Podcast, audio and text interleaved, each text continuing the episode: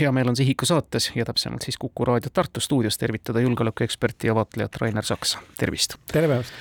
Rainer, viimastel kuudel ja eriti nädalatel pärast Avdiivka loovutamist on päris tõsiselt räägitud Ukraina poole rindemoona nappusest. kas nendest teadetest, mida teiega loete igapäevaselt, koorub see mure reljeefselt välja, et teeks vot seda, teist ja kolmandat, aga ei ole mürske, ei ole moona? no ütleme niimoodi, et vaadates Vene poole kaotusi, siis äh, niisugust täielikku moona puudust ei paista praegu, et aga, aga kindlasti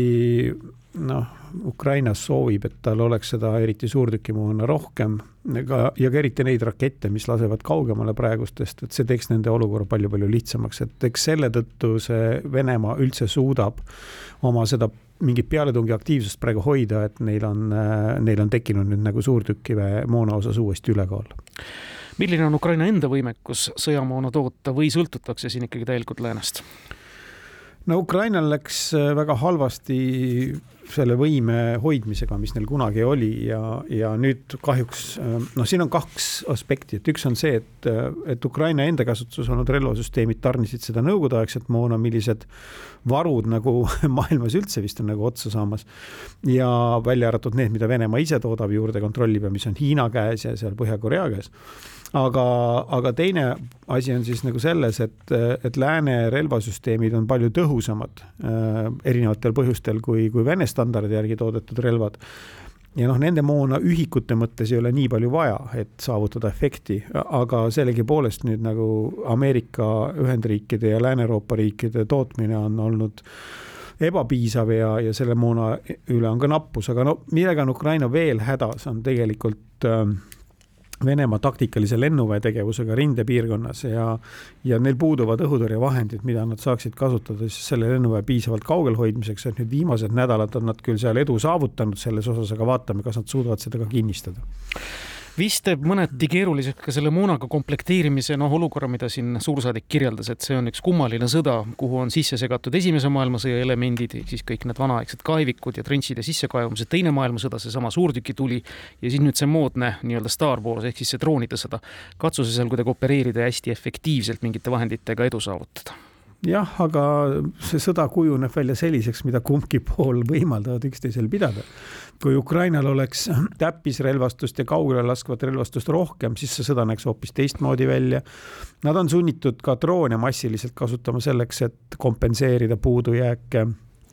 siis laskemoonas ja, ja muus tegevuses ja, ja noh, kumbki pool otsib ülekaalu, siis tek-, kujunebki välja mingi niisugune noh, mingisugune formaat ja, ja kui Vene poolel oleks, oleks rohkem rakette ja niisugust kaasaegset relvastust, nad kasutaks neid, neil lihtsalt ei ole neid kui te juba sellele viitasite, ega Venemaa varustatus iseäranis rakettide osas nüüd märkide järgi nüüd ka ülemäära roosiline välja ei paista? Venemaa ikkagi võrreldes eelmise aastaga on korraldanud väga vähe äh, õhurünnakuid Ukrainale ja üritab siis seda rakettide puudust kompenseerida nende niinimetatud Iraani droonide kasutamisega. aga kahjud ei ole võrreldavadki eelmise aastaga, mida on Ukrainale suudetud tekitada ja noh, loodame, et Ukraina õhukaitse nüüd suudab olla tasemel ja veel paraneda, et sellisel juhul noh, Venemaa šansid nagu Ukrainat välja kurnata ikkagi oluliselt kahanevad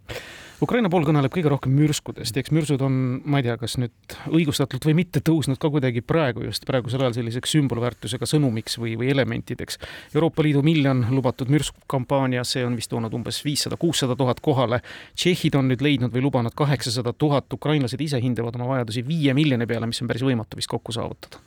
ega jah, ja tegelikult Ukraina on oma tootmise küll käivitanud, ma ei tea, kus nad seda teevad, kas nad teevad seda äh, Ukrainas või teevad nad seda kuskil äh, Ida-Euroopas tõenäoliselt, aga vahet ei ole, eks nad proovivad ka toota Ukrainas, ma vist saan aru, näiteks miinipildumürske nad vist toodavad, äh, toodavad miinipildumiine tuleb sealt jah, toodavad nad vist Ukrainas et väiksemat tootmist on Ukrainas võimalik teha ja hajutada, et noh, Venemaa ei suuda nii palju õhurünnakuid korraldada, aga noh, Ukraina häda on see õhutõrje teatav puudulikkus ja see teeb ka logistika keerulisemaks. aga ikkagi äh, kaks aastat on sõja algusest möödas ja, ja ikka räägitakse Euroopas seda juttu, et me, me peame käivitama oma sõjatööstuse. see näeb väga halb välja ja, ja, ja see tegelikult motiveerib Venemaad nagu sellise pressinguga jätkama ja seda sõda eskaleerima, ega, ega siis need on strateegilise kommunikatsiooni signaalid, mida nad saavad ja, ja nad reageerivad vastavalt kahjuks küll. milline on seis rindel nüüd pärast Avdiivka loovutamist, kas venelased on saanud sellest mingi märgatava initsiatiivi või strateegilise eelise? No nad sellise taktikalise initsiatiivi rindel haarasid siin eelmise aasta lõpul ja Ukraina andis siis oma selle initsiatiivi käest ära ja vot siin on tõesti nüüd see suurtükimoon on oluline, et noh, pealetungioperatsioone ilma ilma märkimisväärsete kaotusteta ei saa läbi viia, kui sul ei ole piisavalt äh, lahingmoona, aga kaitses võib-olla nad suudavad nagu siis Vene armeed kurnata nagu tõhusamalt ma arvan, et see Avdivika loovutamine ka tegelikult ei muuda olukorda rindel märkimisväärselt, ta ei anna Vene poolele peaaegu mitte midagi juurde ja, ja mõnes mõttes ta teeb Ukraina kaitseoperatsiooni lihtsamaks. Aga noh, tal on niisugune psühholoogiline efekt ja, ja selles mõttes, et noh, mida me näeme ka Ukraina oma kommunikatsiooniga üritab siis veenda oma armeed, et see Avdiivka, Avdiivka loovutamine oli manööver, taktikaline manööver, siis mitte nagu kaotus venelased armastavad teadupoolest sümboleid, kas laupäevaks suuremahulise sissetungi teiseks aastapäevaks on midagi oodata? see on nii ja naa, sellepärast et noh, Vladimir Putin on siin näidanud selle sõja jooksul, et ta hindab praktilisi tulemusi nendest sümbolitest olulisemaks, et ta nagu ei ole karistanud oma armeed selle eest, kui nad ei suuda mingiks ette nähtud kuupäevaks midagi saavutada ja ta ei ole nagu selle tõttu võtnud maha siin kaitseministrit või, või kedagi teist, küll on võetud maha, eks ju, neid kindraleid, kes on äh, seotud kuidagi olnud Prigožini mässuga ja nii edasi, et et ühesõnaga selles mõttes on Venemaa president olnud hästi paindlik, et ta ei ole nagu nii jäikasid ülesandeid nagu püstitanud, aga nüüd presidendivalimised on olulisemad kui see, kui see sõja aastapäeva sündmus, no paljukest sinnagi veel minna on. Ja ongi küsimus rubriigist samal ajal Murdaris. kadunukese Aleksei Navalnõi surnukeha pole tema lähedastele endiselt loovutatud ja tundub loogiline vist see selgitus, et tema matused võivad võimudele väga olulisi, enneolulisi valimisi jutumärkides siis nii-öelda käest ära minna, seda olukorda ei saa lappesse lasta. Jah, ma olen sellega nõus, et see, see tundub kõige loogilisem seletus, sellepärast et